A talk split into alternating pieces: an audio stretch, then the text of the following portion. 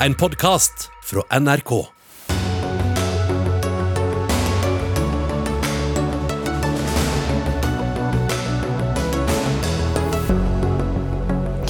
Oljefondet må trekke seg ut av selskaper som ikke er utslippsfrie, krever ekspertutvalg. En ny rapport for skrivebordsskuffen, spør vi utvalgslederen og finansministeren. I dag kan nærmest hvem som helst kalle seg for sexolog. Men sånn bør det ikke være, mener stiftelsen Sex og Samfunn, som vil ha det som beskytta yrkestittel. Deler av sommerøya Nøtterøy blir spøkelsesområde om vinteren, sier Arbeiderpartiet, som vil innføre boplikt. Vi må heller satse på bolyst, svarer Høyre. Og fokuset på familie og barn har gått altfor langt i politikken. Vi er en stor gruppe som føler oss på siden av samfunnet, sier forfatter Cecilie Hoksmann. Ja, du hører eller ser på Dagsnytt 18 denne fredagen i studio Gry Veiby. Og i løpet av den neste timen skal det også handle om hemmelige valgkamppenger. Men når vi snakker om eh, valgkamp, så blir ofte skattepolitikk en eh, sentral del av eh, valgkampen, og dermed blir det også hyppig tema her i Dagsnytt 18. Og nå skal det handle om Arbeiderpartiets skattepolitikk, for partiet går til valg på å øke skattene for folk med høyest inntekt og formue i landet. Det vil de gjøre ved å bl.a. øke skattene for dem med inntekt over 750 000 kroner. Formålet redusere ulikhet. Og Jan Tore Sanner, finansminister, dette skatteopplegget vil ikke utjevne forskjellene mener du. Hvorfor ikke? Nei, eh, Arbeiderpartiets eh, skatteforslag det vil ha helt marginal eh, betydning. Det er bred politisk enighet om at vi skal bevare et samfunn med små forskjeller. Og det har vi lyktes godt med. Hvis vi ser på de siste 20 årene, så har det vi kaller for inntektsulikheten målt ved Gini, det er det man bruker både i Norge og internasjonalt, så har det ligget helt omtrent helt flatt i 20 år. Og Det viser at vi har lykkes godt med å bevare samfunn med små forskjeller. Arbeiderpartiets forslag det vil ha helt marginalt uh, utslag. I vår periode så gikk det litt opp da man gjennomførte uh, skattereformen i 2015. Den var Arbeiderpartiet med på. Og så har det gått litt ned uh, etter, etter den tid. Og det er da jeg sier at vi må se på andre ting som betyr mye mer for å sikre folk like muligheter. Det handler om utdanning, at flere må fullføre.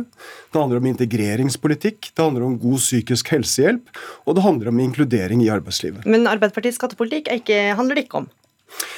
Helt marginalt. og mm. dette, dette, er jo, dette, er en faglig vurdering som er foretatt. Det, på, Av ditt departement. På, ja, ikke sant, på Gini, som, som, man da måler på, så gir det et utslag på 0,004. Og det betyr egentlig bare at du fortsetter den nedgangen i ulikheten på inntektsulikheten som vi har hatt de senere år. Mm. Hadia Tajik, nestleder og finanspolitisk talsperson i Arbeiderpartiet. Eh, liten effekt her. Hvordan vil eh, deres skatteplan utjevne forskjellene? Altså det Tallene til Jan Tore Sanner viser, er jo at Arbeiderpartiet sitt eh, skatteforslag bare på inntektsulikheten vil klare å halvere de forskjellene som man har eh, sett at eh, har blitt skapt under åtte år med Høyre, i løpet av bare ett år.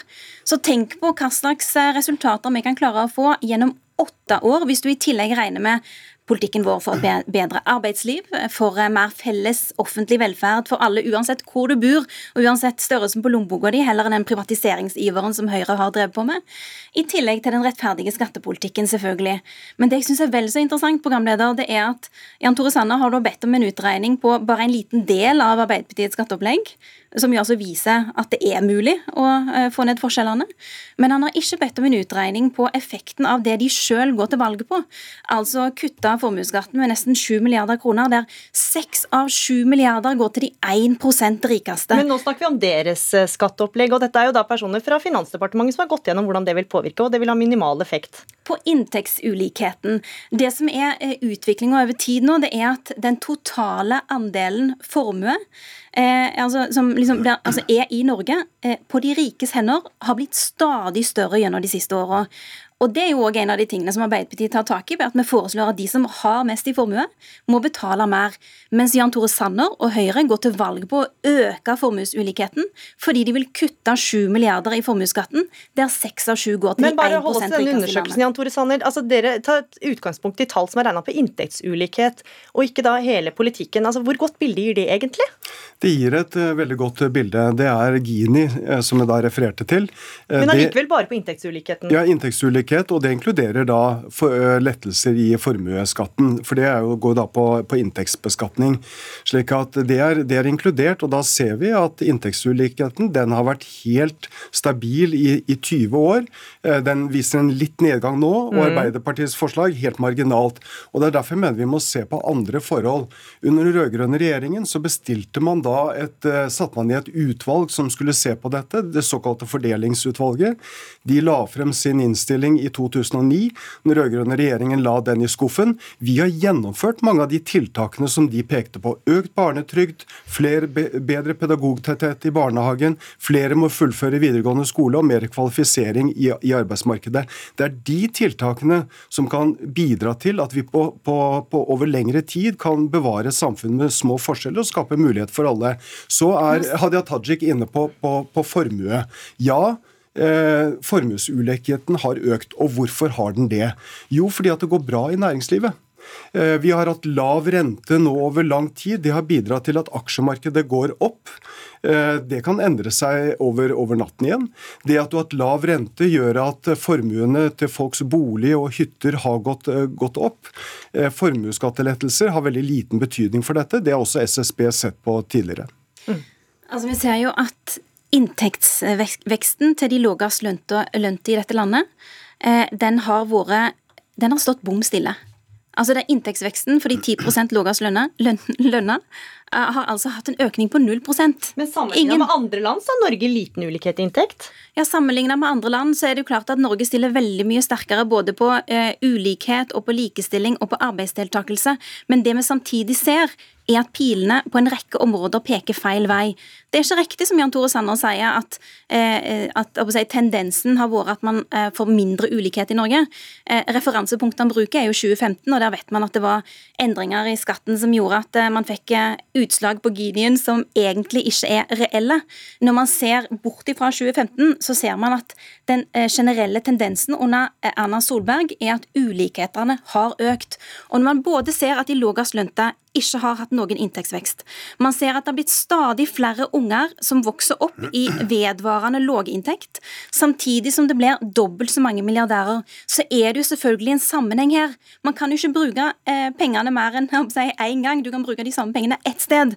Og Høyre har valgt å bruke pengene på å gi de store skattekuttene til folk som har mye penger ifra før av, mens det har blitt dyrere å pendle, dyrere å være fagorganisert, dyrere å ha unger i barnehagen. Det er klart at dette er med på å drive forskjellene i landet. Og det er en av de tingene som Arbeiderpartiet ønsker å ta tak i. Vi vil at nå skal det bli vanlige folk sin tur. Det er deres lommebøker og deres hverdag som skal bli prioritert ja, vanlige folks tur til å betale mer skatt. Nei, det er feil, Jan Tore Sanner. Du, du blander, du Men Sanner, det er feil. Du blander sammen. San, Sanner, før vi går videre, så ja. må vi bare, altså, vi må bare være enige om at det du sier, er feil. Fordi med Arbeiderpartiet sitt skatteforslag så er det sånn at åtte av ti vil få lågere inntektsskatt med Arbeiderpartiet sitt forslag enn det de har fått med Høyre. Det er bare de 20% med høyest inntekt som vil få mer i skatt. Men Hadia Tajik, i 2017 så gikk dere til valg for å sette opp skattene dobbelt så mye som nå. Hva fikk dere til å endre mening? Hvorfor setter dere ikke opp skatten enda mer? Fordi det har skjedd nye ting i dette landet.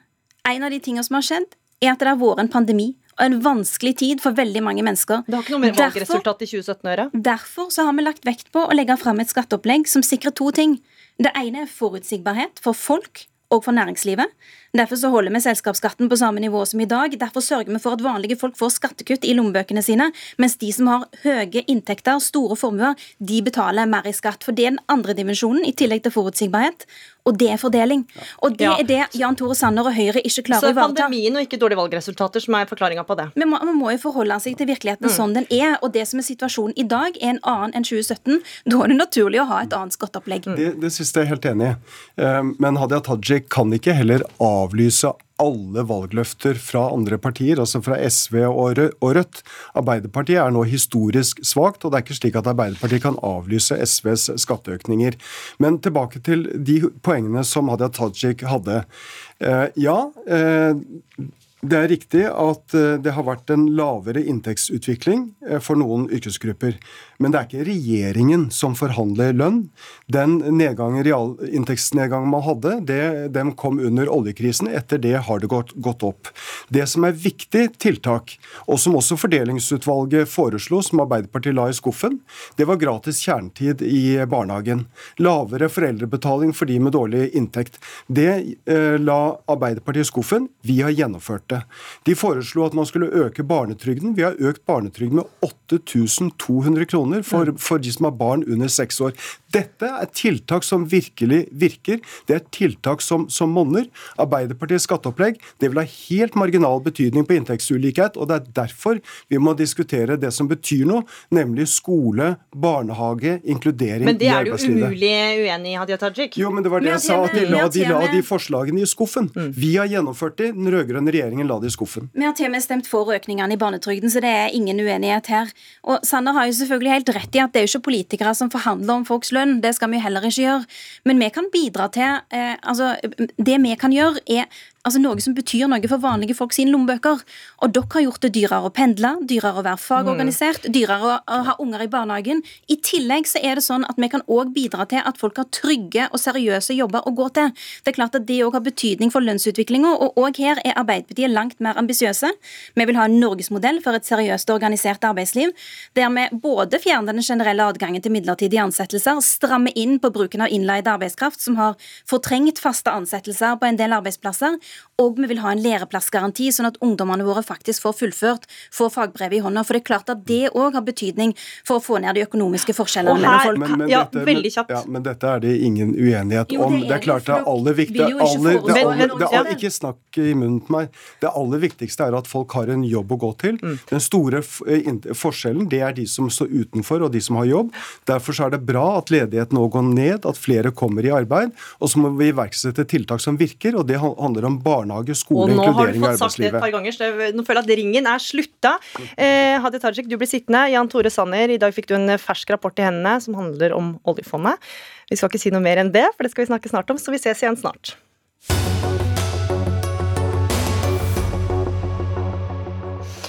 Det skal fortsatt handle om økonomi her i Dagsnytt 18, men nå skal det handle om hemmelige valgkamppenger til partiene. For nylig fikk de fire borgerlige partiene Høyre, Venstre, Kristelig Folkeparti og Fremskrittspartiet en kvart million kroner hver fra foreninga Aksjon for borgerlig valgseier. Men etter kritikk fra partilovnemndas leder Eivind Smith valgte tre av partiene å betale tilbake pengene fordi foreninga ikke vil oppgi hvem de har mottatt donasjoner fra. Men i dag bekrefter Fremskrittspartiet overfor flere medier at de velger å bruke pengene under valgkampen. Og Finn Egil Holm, du er generalsekretær i Fremskrittspartiet. Hva er grunnen til at dere ikke gjør som de andre tre partiene og gir pengene tilbake når foreninga ikke vil opplyse hvor pengene kommer fra? Nei, Vi har mottatt en gave eller et valgkampbidrag fra en aksjonsgruppe som er registrert som en forening. De har en nettside der de er åpne for alt hva de står for, hvem som styrer osv. I tillegg så har vi hatt dialog med disse nødvendigvis for å oppfylle forpliktelsene i partiloven. Og med det vi er kjent med per nå, så er det ingenting som er i veien for at vi kan uh, motta disse midlene.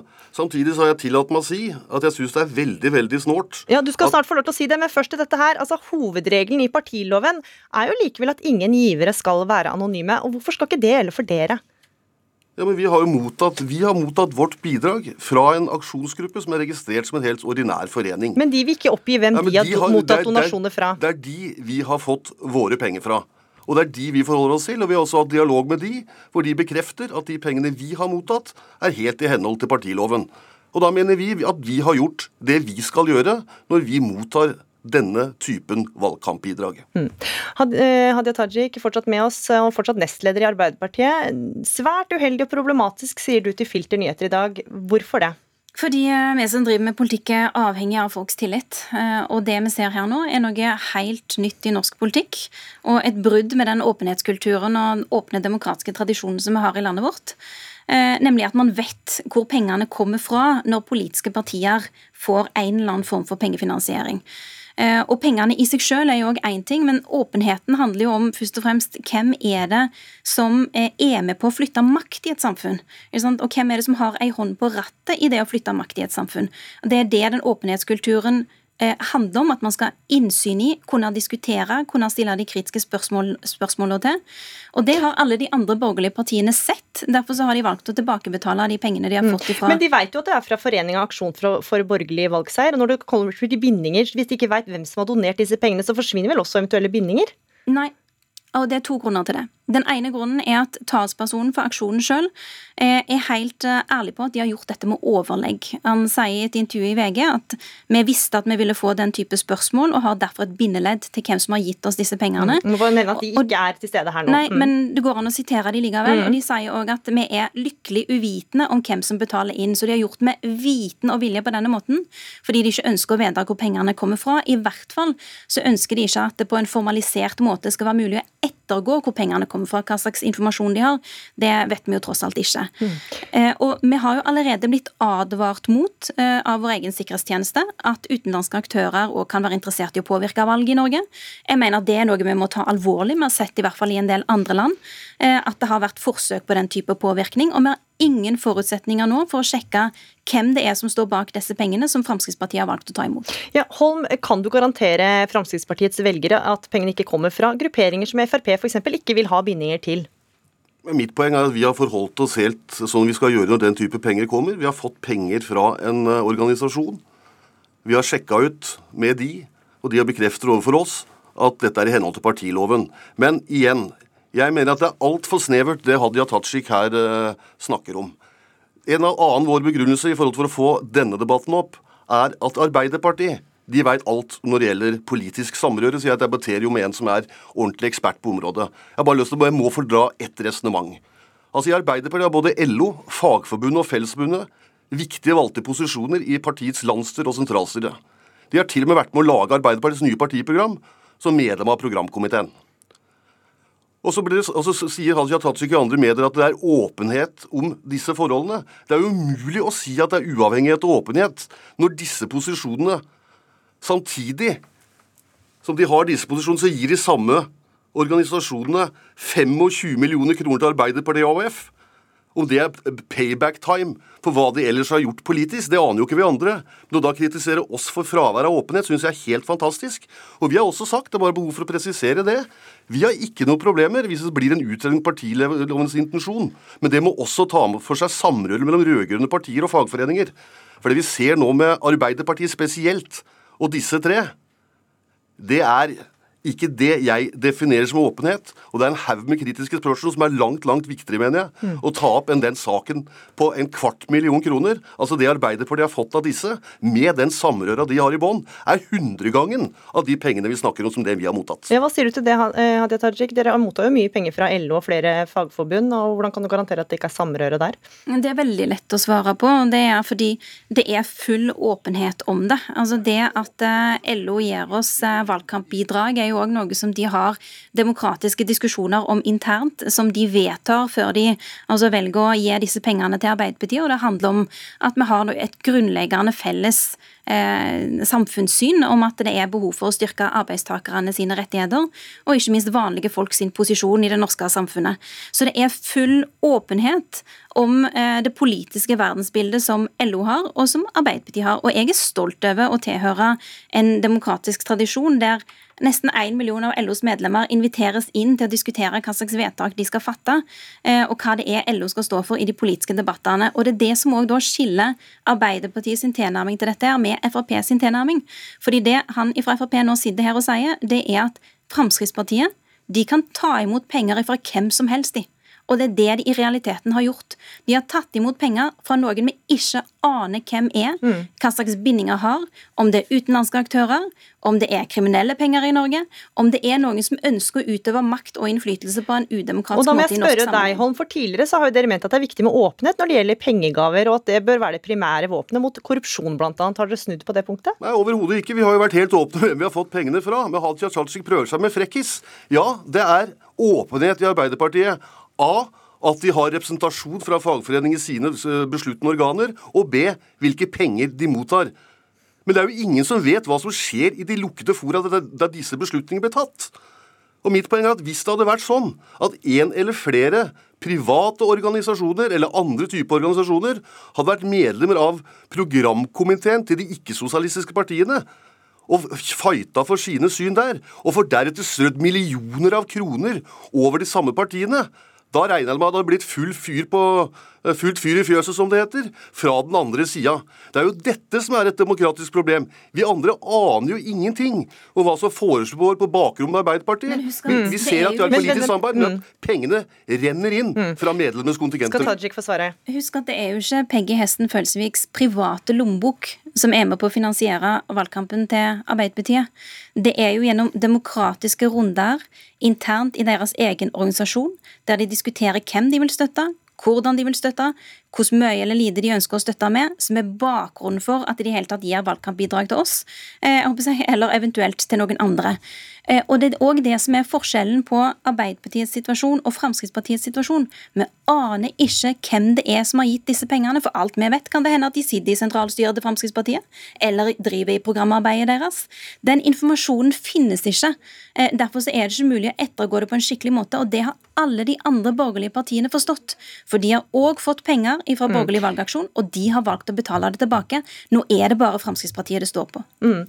Vi kommer ikke lenger der. Eh, Finn Egil Holm, generalsekretær i Frp, og Hadia Tajik, stortingsrepresentant og nestleder i Arbeiderpartiet, takk for at dere var med i Dagsnytt 18.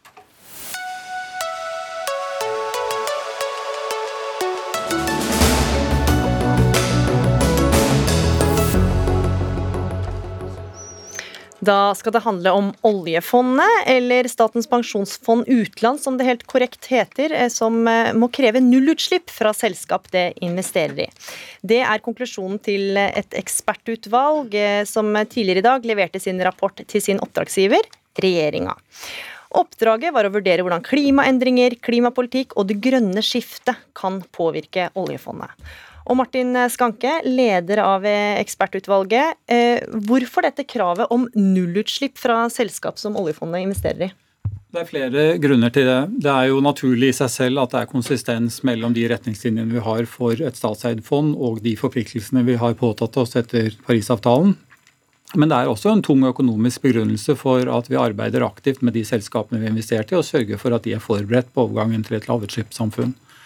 Så Det betyr jo at oljefondet som eier må gå inn i disse selskapene og vurdere om de selskapene har forretningsplaner som er tilpasset overgangen til et lavutslippssamfunn, og være en kritisk eier. Men Handler det eh, bare om penger, eller handler det også om klimapolitikk?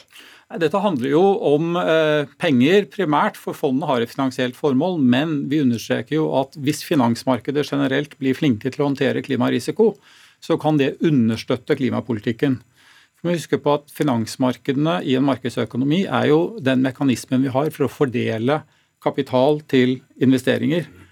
Og Hvis finansmarkedene er flinke til å vurdere klimarisiko, så unngår vi å, å, å sette kapital inn i prosjekter og virksomheter som ikke tåler møtet med et lavutslippssamfunn. Så jo flinkere finansmarkedene er til å vurdere klimarisiko, desto mindre risiko er det for feilinvesteringer. Og Det betyr jo at god klimarisikohåndtering i finansmarkedene også understøtter klimapolitikken. Men hva bør da oljefondet gjøre med selskaper som ikke har planer om å bli utslippsfrie? Ja, Her er det jo en, en stor verktøykasse. og eh, det er klart at dette hvis et selskap skal ha en troverdig plan, så tar det tid å utarbeide. Og vi kan ikke forvente at alle selskaper skal ha det liggende i skuffen og ta den ut dag igjen. Dette arbeidet må foregå over tid. Eh, og så må oljefondet kritisk vurdere de planene de får på bordet. Eh, og vi har gått litt inn i rapporten vår på en del viktige ting man må se på i den forbindelse. Mm. Uh, og så er det jo sånn etter hvert som selskapene, hvis selskapene da Eh, ikke tar dette på tilstrekkelig alvor, så må, må oljefondet som eier f.eks. si at uh, vi ønsker ikke at dere skal investere mer i virksomhet som vi ikke tror har fremtiden for seg. Dere må kutte investeringene og heller betale mer til oss i utbytte, slik at vi kan reinvestere et annet sted. Eller oljefondet kan etter hvert si at vi har ikke tillit til at styret i dette selskapet kan håndtere dette på en god måte. Vi ønsker å stemme for noen andre styremedlemmer som kan håndtere dette på en bedre måte. Og så, helt i enden av dette, ligger jo muligheten til å selge seg ned. Sier vi har mistet troen på dette selskapet, da vil vi ikke være investert lenger. Men hvor lang tid da, ser dere for at man skal gi selskapene? Det tror jeg er veldig individuelt. Her er det jo, Husk at oljefondet har eh, investert i 9000 selskaper over hele verden. Noen selskaper har kommet ganske langt i å presentere detaljerte planer for dette. Andre ligger langt, langt etter i løypa. Men det er jo veldig viktig at vi eh, også retter oss mot de etternølerne. Og vi kan, eh, vi kan gjøre en større forskjell ved å være en aktiv og krevende eier også i de selskapene. Og så tror jeg det blir en debatt etter hvert om kvaliteten på de selskapene vi investerte i, og hvilke forventninger vi skal ha til dem. Men, men vi må jo begynne et sted. Mm. Og, og, jeg tenker at Et fornuftig sted å begynne er for det første å lage et langsiktig retningslinje og å lage et godt opplegg for rapportering. Og så er det jo sånn at eh, at måte, metodikk rundt rapportering av dette er i støpeskjeen. Og vi har pålagt, eller foreslår å pålegge oljefondet et ansvar for å bidra til metodeutvikling, slik at vi får bedre rapportering. Mm. Jan Tore Sanner, velkommen eh, tilbake, finansminister. Du mottok denne rapporten i dag. Eh, hva sier du til denne konklusjonen? Jeg mener det er eh, en veldig god rapport som gir oss et godt kunnskapsgrunnlag for den forsterkede jobben som nå må, må gjøres. Norges Bank og SPU og Finansdepartementet har jobbet med, med klimarisiko og konsekvensene av klimaendringene i veldig mange år. Eh, men eh, i, i våre så bestilte jeg denne rapporten fordi vi nå trenger et fornyet eh, kunnskapsgrunnlag for å se hvordan et så stort fond, som har investert i 9000 selskap i 70 land, 12 000 milliarder kroner, hvordan de skal håndtere klimapolitikk, klimaendringer og ikke minst overgangen til, til lavutslippssamfunnet. Så er det slik at, at fondet har et finansielt formål, som Martin Skanke også understreker, nemlig høy høyest mulig avkastning med, eh, innenfor en eh, moderat risiko. Men fondet skal være en ansvarlig, eh, ansvarlig aktør og ansvarlig forvalter. Og Det betyr at det er et stort handlingsrom for hvordan fondet kan jobbe med, med selskapene. Og fondet har en interesse av at vi når Parisavtalens mål, og det betyr at vi må bevege oss i den retning. Men hvor store konsekvenser vil det ha for slik dagens oljefond ser ut?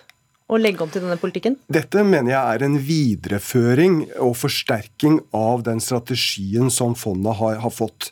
Men det er helt åpenbart at det nå er mer kunnskap om klimaendringene. Eh, og fondet må da kunne vurdere klimarisiko, men også investeringsmuligheter.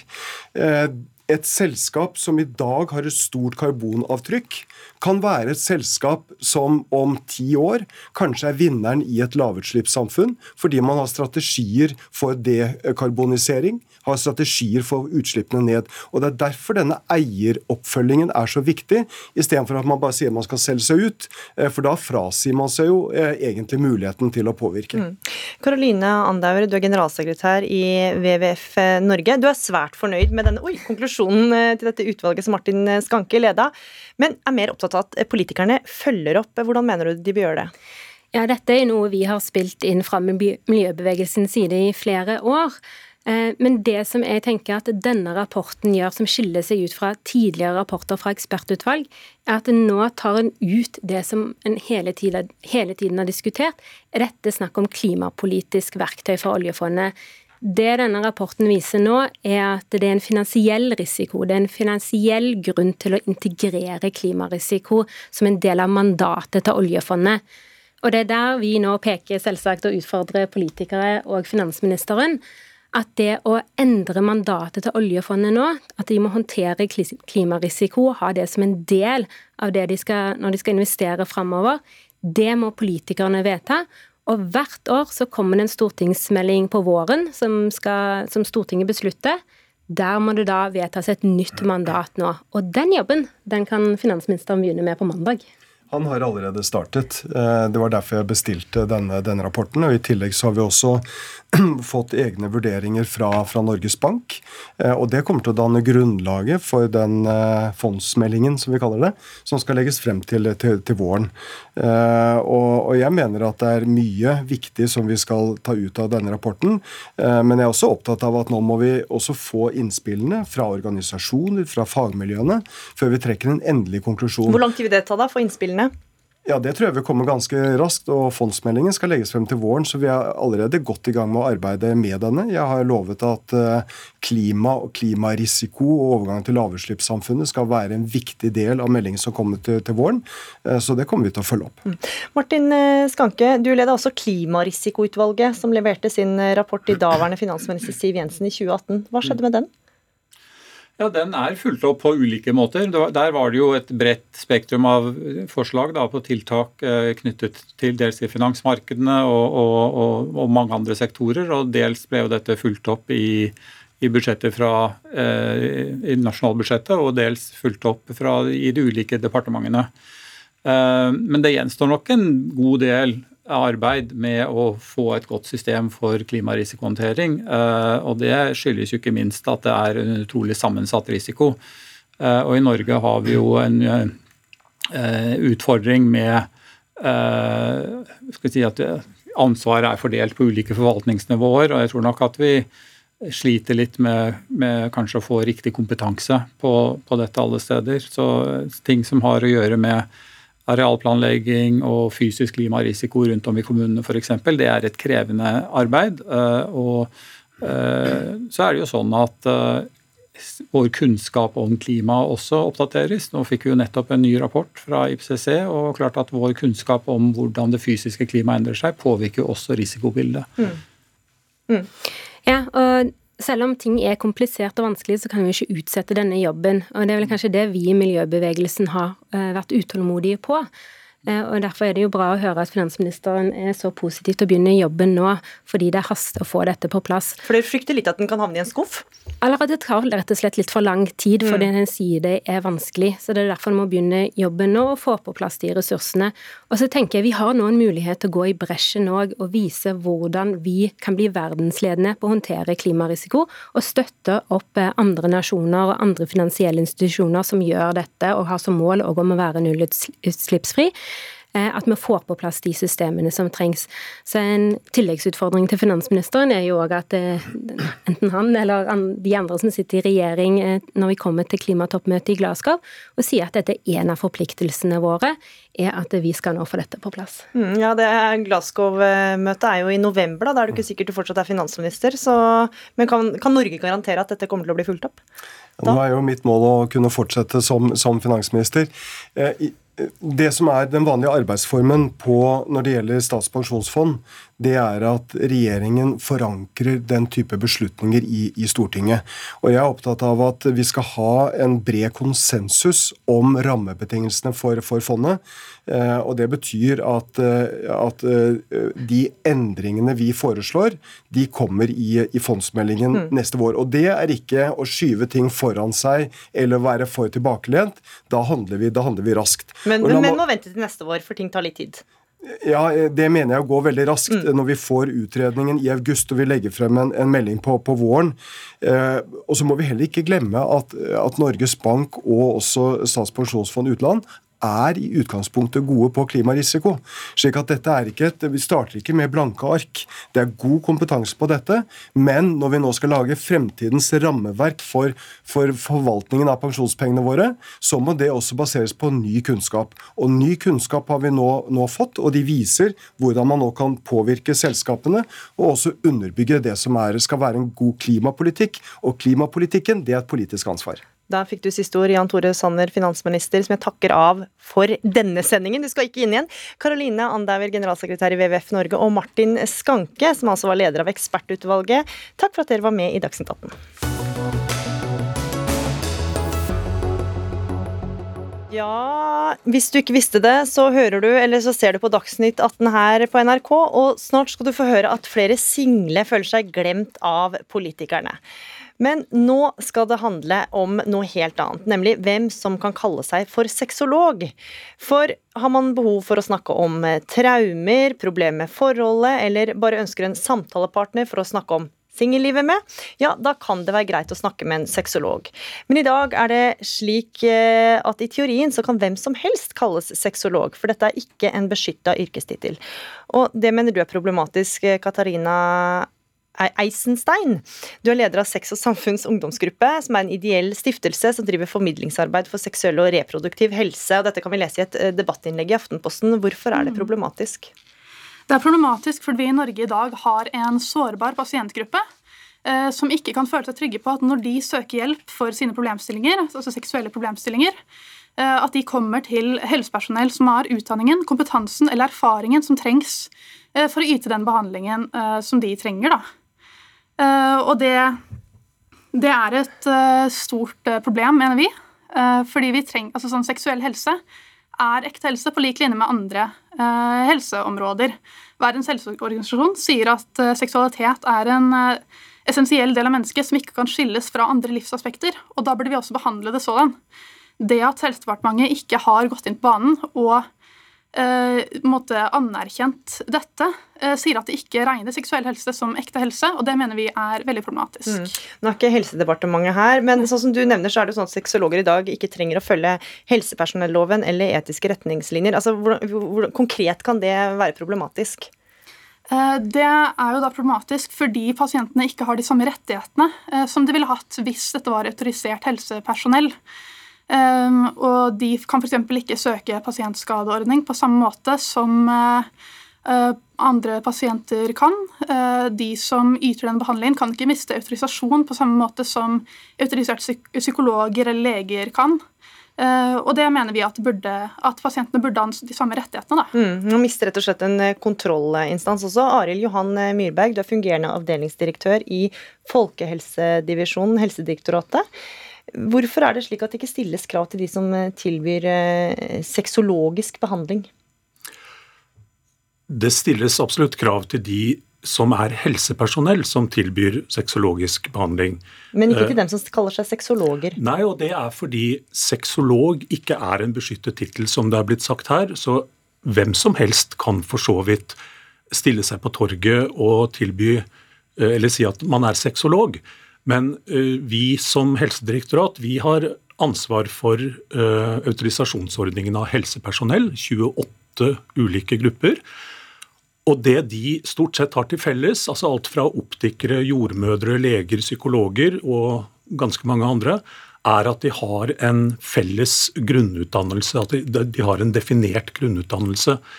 Innenfor sexologifeltet så er det heldigvis, det er vi veldig glad for, flere videreutdanninger på universiteter og høgskoler nå. Eh, og de krever jo bl.a. Uh, treårig helse- eller sosialfaglig utdanning. Men det er ikke en grunnutdanning innenfor sexologi som gjør at alle som kaller seg sexolog, har den samme bakgrunnen. Men, men det, det, gjør jo også at hvem som helst kan kalle seg sexolog. Men ser du at det kan være problematisk? Jeg ser at det kan være problematisk for de som søker sexologisk uh, hjelp. Eh, at man ikke eh, nødvendigvis kan ha et godkjenningsstempel på det. Men eh, per i dag så er ikke det en mulighet fordi det er mange yrkesgrupper som tilegner seg sexologisk kompetanse i forskjellig grad. Og de kan altså kalle seg sexologer. Men så er det veldig viktig å si at uh, i likhet med en del andre profesjoner, så har jo uh, fagorganisasjonen, Sexologiforeningen, også de nordiske eh, sexologiforeningene, de har laget en egen godkjenningsordning. Og Det er i likhet med ganske mange andre eh, fagorganisasjoner. F.eks. psykologer eh, foretar spesialisering av psykologer. Mm. Og sånn som Sexologiforeningen eh, foretar en godkjenning basert på utdannelse, grunnutdannelse og veiledning. Og Det syns vi er veldig fint, for det gjør at uh, pasienter og andre brukere som ønsker sexologisk hjelp, lett kan finne ut av at, uh, hva slags bakgrunn sexologen har. og Det anbefaler vi at alle gjør før de søker hjelp. Ja, Eisenstein, som nevnt her, så finnes det allerede en uh, godkjenningsordning fra Nordisk forening for klinisk sexologi. Hvorfor holder ikke det? Jeg tror det er kjempeviktig at vi har denne ja, NAX-autorisasjonen, som det forkortes til. Um, men det, måte, det, er ikke nok at en interesseorganisasjon skal ivareta pasientenes sikkerhet. Her trenger vi at staten kommer på banen og sier at seksuell helse er ekte helse, og at det, de som yter denne uh, helsebehandlingen, også stilles krav til på lik linje som annet autorisert helsepersonell. Uh, det mener vi er veldig viktig. Så selv om det er veldig bra at vi har, at vi har denne NAX-autorisasjonen, så burde dette være uh, en statlig autorisasjonsordning. og ikke bare noe en interesseorganisasjon gjør. Mm. Og nå Myrberg, er det jo kanskje opp til den som da vil ha en sexolog, eller rådgive seg med en sexolog, å sjekke om vedkommende har en sånn godkjenningsordning, eller de må jo selv gjøre research på om vedkommende har papirene i orden. Holder det? Du kan godt si at det hadde vært fint om man hadde et system som gjorde at alle som kalte seg sexolog, eller spesialist i klinisk sexologi, eller spesialist i klinisk, nei, sexologisk rådgivning, hadde en slags felles bakgrunn. Per i dag så har vi ikke det. Og da, da blir det sånn at uh, brukeren eller pasienten selv må gjøre den jobben. Og heldigvis så finnes det jo oversikter over hvem som uh, kaller seg NAX-godkjente sexologer. Mm. Og, og, jeg bare har lyst til å si at uh, For helsemyndighetene også så er absolutt seksuell helse en likeverdig helsedel som alle andre temaer. Og vi i våre Men, men kan, kan, det sende et uh, litt feil signal når det ikke omfattes av helsepersonelloven? Jo, det omfatter, Hvis det er helsepersonell som kaller seg sexologer eller tilbyr sexologisk behandling, så gjelder nøyaktig de samme forsvarlighetskravene og pasientrettighetene som annen behandling helsepersonell gir. Det er ganske strengt regulert. og, og ja, Både pasientene har de samme rettighetene, og helsepersonellet, sexologene, har de samme pliktene. Og Eisenstein, Det kan jo være litt opp til brukerne også, at de faktisk sjekker at eh, de er godkjente? Eh, det kan det absolutt, og man har finnensexolog.no, som er en veldig fin side for å kunne finne NAX-autoriserte sexologer. Når jeg drar til legen, så tar jeg det for gitt at den legen har en medisinfaglig utdanning. Og det burde man også kunne gjøre hvis man drar til en sexolog. Problemet er jo da at det også er mange sexologer som ikke har noen form for helsefaglig bakgrunn, og likevel yter sexologisk behandling. Eh, det at det er lov, det sender et veldig feil signal om hvor viktig seksuell helse er, mener vi.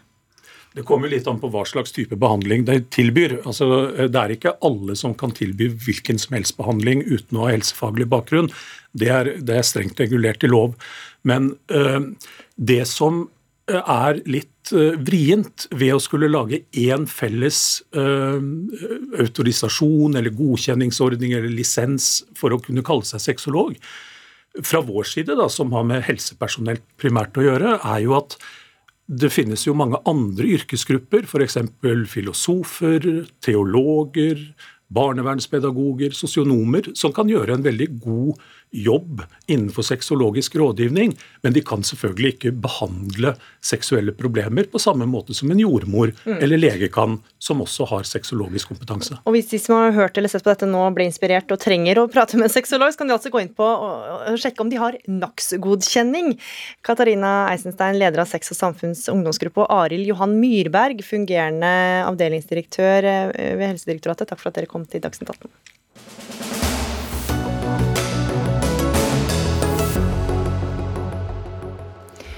Nå skal vi til et av de mest attraktive sommerområdene i Norge, nemlig Nøtterøy i ytre Oslofjord. Attraktivt om sommeren, men kanskje ikke like attraktivt om vinteren, skal, skal vi tro eh, Arbeiderpartiet og Pål Syse, gruppeleder for Arbeiderpartiet i Færder kommune. Hvordan vil du beskrive denne øya om vinteren? Um jeg vil beskrive den med en historie fire år tilbake. Da traff jeg en gammel bekjent som bor langs sjøen på Nøtterøys østside. Og han sa nå er jeg den siste fastboende igjen i gata, og det syntes han var veldig trist. Du kaller det nærmest en sånn spøkelsesområde, i hvert fall enkelte steder av Nøtterøy? Ja, og det er viktig å presisere at det er bare enkelte steder, og de er jo sjønære, og særlig på søndre del av Nøtterøy. Det er veldig mange deler av Nøtterøy som har et levende samfunn hele året. Mm. Og så kan vi lese i Tønsberg Blad at nå vil dere innføre boplikt, altså som betyr at de som har eiendom der, må bo der mer enn halvåret. Hvordan skal det hjelpe? Eh, det vil jo, altså I den grad det blir fulgt opp eller innført, så vil det hjelpe at de bor der. da. Og da blir det jo folk i bygdene og grendene. Eh, og det er jo det vi er ute etter. At det, er, eh, det brukes ofte å si lys i husene, men det er jo altså viktig at det er mennesker som altså er engasjert i lokalsamfunnet og en del av lokalsamfunnet. Men det har jo også en annen side, men det kommer vi kanskje tilbake til, som går på inntekter. Skatteinntekter til kommunen. Ja. Torbjørn Fevang, leder i Færder Høyre. Eh, lys i vinduene og, og varme i husene, men dere vil ikke innføre boplikt. Hva frykter dere vil bli konsekvensen av det? Nei, Færder Høyre er helt klare på at vi ikke innføre boplikt på, på Nøtterøy. Og ikke på enkelte deler av Nøtterøy heller.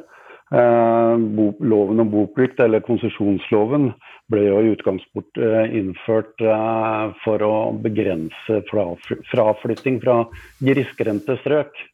Eh, Færder kommune, som eh, Nøtterøy er en del av, har 27 000 eh, innbyggere. Har en boligmasse som sammenflyter med eh, nabokommunen Tønsberg. Og vi har en økning i eh, antallet innbyggere på Nøtterøy. Mens på den delen av Færder kommune, Tjøme, som har boplikt, så er er det nedgang i innbyggerantallet. Og det, det beviser vel litt om eh, eh, hvordan boplikt ikke fungerer. Mm. At, at, det er enkelte områder på øya som er attraktive for, for, som fritidsboliger, det er, jo ikke, det er jo ikke til å underslå. Men uh, det viser seg også at det er flere eh, som har tilflyttet sine hytter og omgjort disse til, eh, til helårsboliger. Så, så, det er eh, et, eh, noe forskjellig perspektiv på det. Pål Syse, hvordan vet dere at boplikt faktisk vil føre til flere innbyggere, og at ikke bare folk selger hytta og flytter? Eh, når Fevang refererer til Tjøme og at man har hatt nedgang i folketallet, så er jo det feil. Altså, Tjøme har hatt boplikt i 40 år. Og det har ikke vært nedgang i snitt over de 40 årene. Og det er igjen en vekst i bosettingen i også gamle Tjøme kommune. Eh, det vi vet, er jo at folk folkeregistrerer seg der. Det er jo noe vi registrerer. Eh, og eh, det er jo en fin måling på at dette virker, da. Fevang? Jeg kan jo si at konsesjonsloven den er jo litt som en sånn sveitserost. Den har mange hull. Altså Det er veldig mange muligheter for å omgå, omgå loven og fortsatt bruke eiendommene som fritidsbolig. Eh, det at du må bo der et visst antall dager i løpet av året, er jo ikke, ikke, eh, Det viser ikke til den personen som eier det, men hvem som helst kan bo i boligen. Du kan leie den ut ti, ti eh, måneder i året, og så kan du bruke, tilbringe sommermånedene der selv. Og når det gjelder arv, så, så, er det heller ikke boplikt hvis du arver en, arver en bolig. Så, men, så men, det jo, kan jo men, kan også være en del av grunnen for at en, en, poenget ditt, Fevan. Og Paul, ja. jeg spørre deg, altså, hvordan, hvordan, skal man kontrollere at folk faktisk bor der? Skal dere ha kontroller og banke på dørene da? Nei, det er jo veldig enkelt å gjøre gjennom folkeregisteret. Men jeg har bare lyst til å Men, men du veit jo ikke om folk faktisk kommer til å bo der, eller om de bare Nei, hvor, er der? Hvor mye man er hjemme, det vet man jo ingen steder i dette landet. Og folk har som regel hytter, og de er på reise. Så man, det er jo ikke noe krav til å være hjemme hele tiden. Men å bosette seg der formelt er det som er kravet. Og når eh, Fevang sier at det er hull i konsesjonsloven, så er det jo hull i de fleste lover. Men man kan ikke droppe det av den grunn. Mm. Vi skal legge akkurat eh, det til side, men Fevang, altså tomme hus om vinteren betyr også tapte skatteinntekter fra, inntekt, eh, fra innbyggerne. Vil ikke da boplikt sikre inntekter da, til, til kassa? Nei, jeg tror ikke at boplikt har noe hensikt i det hele tatt. Vil, vi vil heller fokusere på bolyst. Og legge til rette for at folk vil flytte til kommunen, sånn at vi kan få økt skatteinntekter eh, den veien. Eh, bygge skoler, bygge barnehager, eh, infrastruktur som gjør at Færder kommune blir enda mer attraktivt enn det det er i dag. Og da vil vi øke skatteinntektene betraktelig. Og det at det står noen hus tomme, det kan vi ikke unngå. Vi har jo hatt flere store boligprosjekter både i Tønsberg og Nøtterøy som har vært sjønære.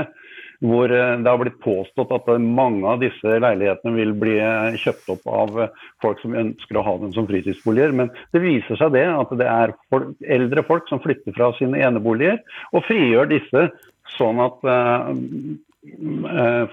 familier med, med, barn kan flytte inn i, i eneboligene sine. Mm. Så vi har mer, mer, mer, tro på bolyst enn på boplikt. Og det, det, føyer seg jo inn i Arbeiderpartiets eh, ideologi. da. Mer stat og regulering for enkeltmennesker. Vi har vel mer tro på og enkeltmenneskets muligheter og lite innblanding fra statens side.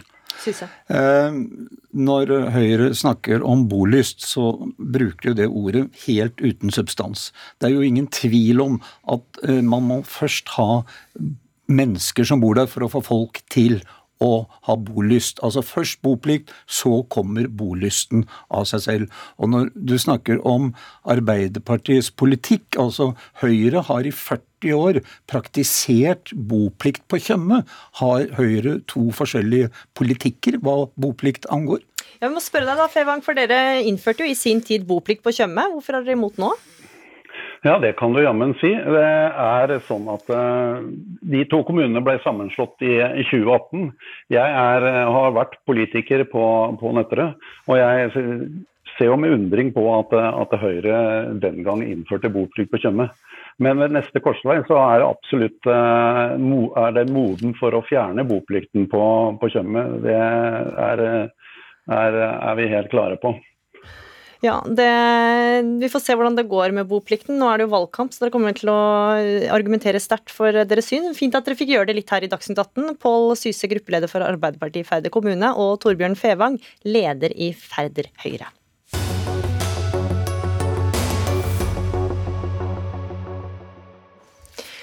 Er de single og barnløse glemt i valgkampen?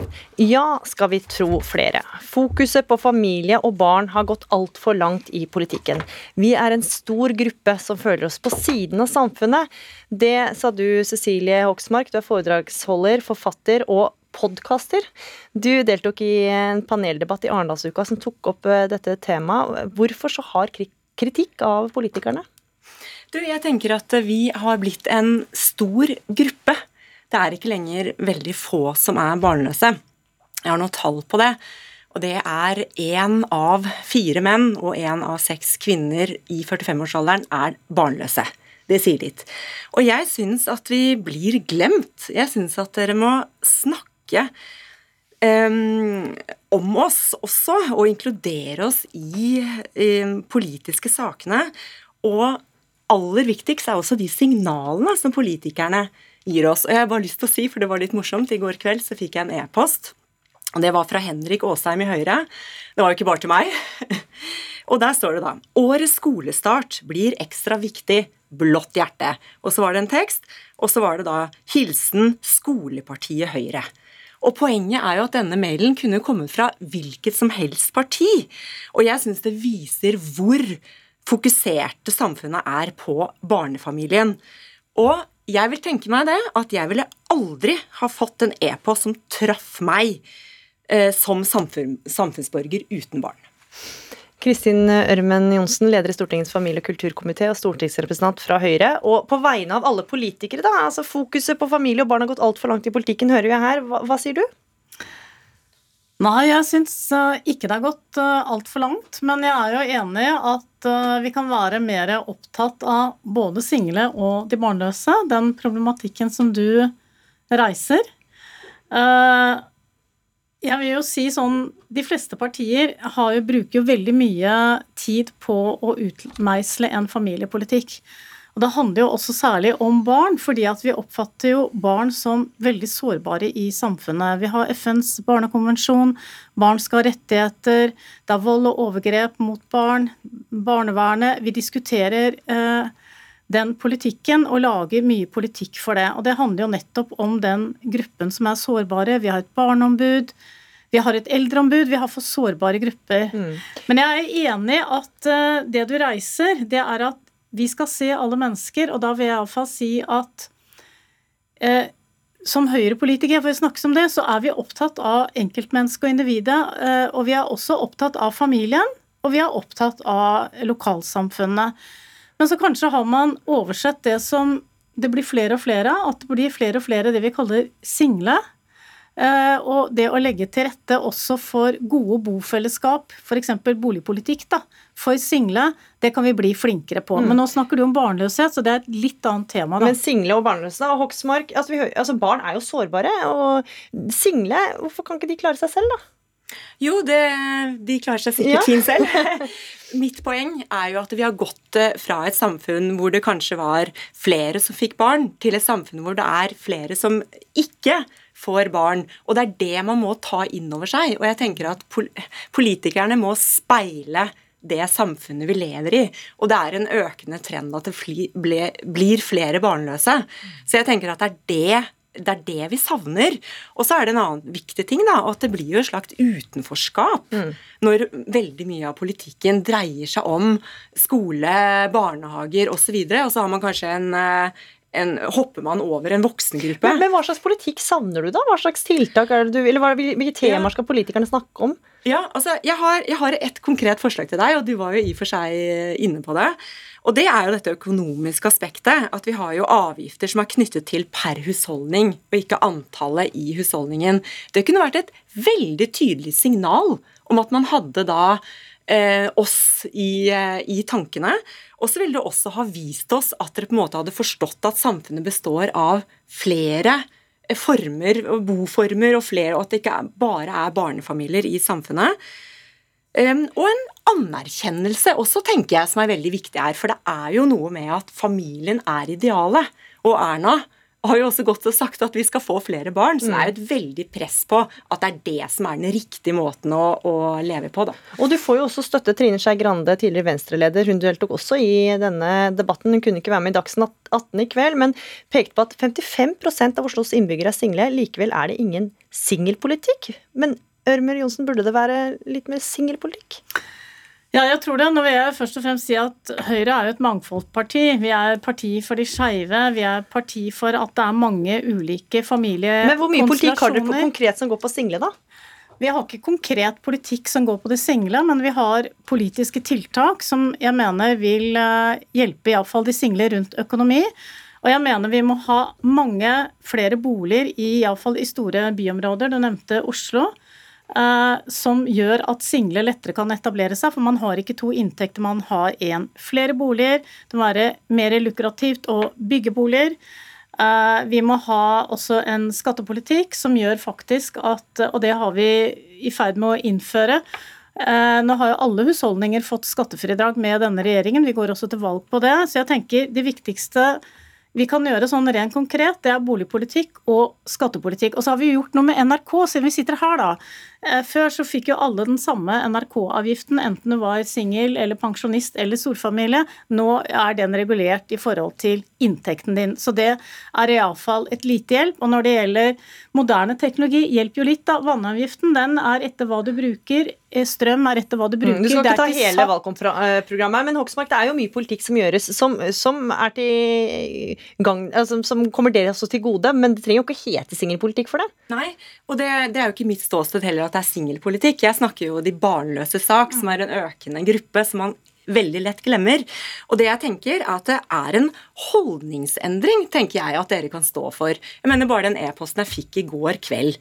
Det er jo provoserende for meg å få den, selv om det var full klaff i og med at jeg skulle hit. da.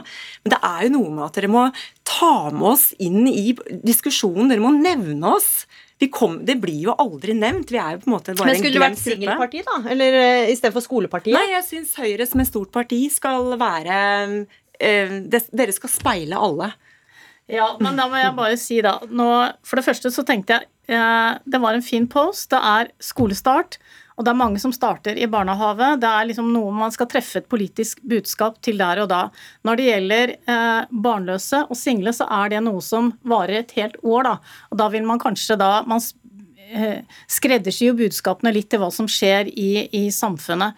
Men jeg er enig. Eh, vi kan eh, både jobbe mer med både å anerkjenne det å være barnløs. Jeg tror faktisk det er ganske litt sånn skambelagt. Det er veldig lagt, føler jeg som kvinne, da, lagt at dette er kvinnens oppgave, som ikke liksom får dette til, eller altså et eller annet.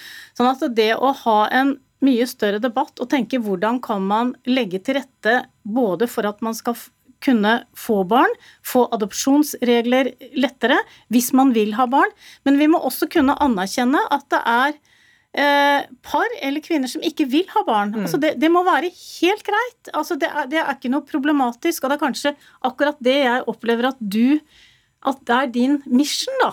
At vi må anerkjenne det og si noe om det. Vi lar det bli med det.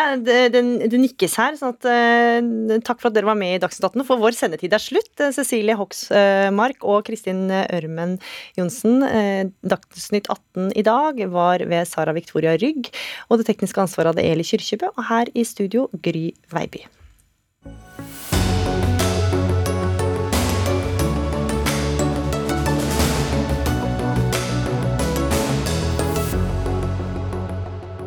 Du har hørt en podkast fra NRK.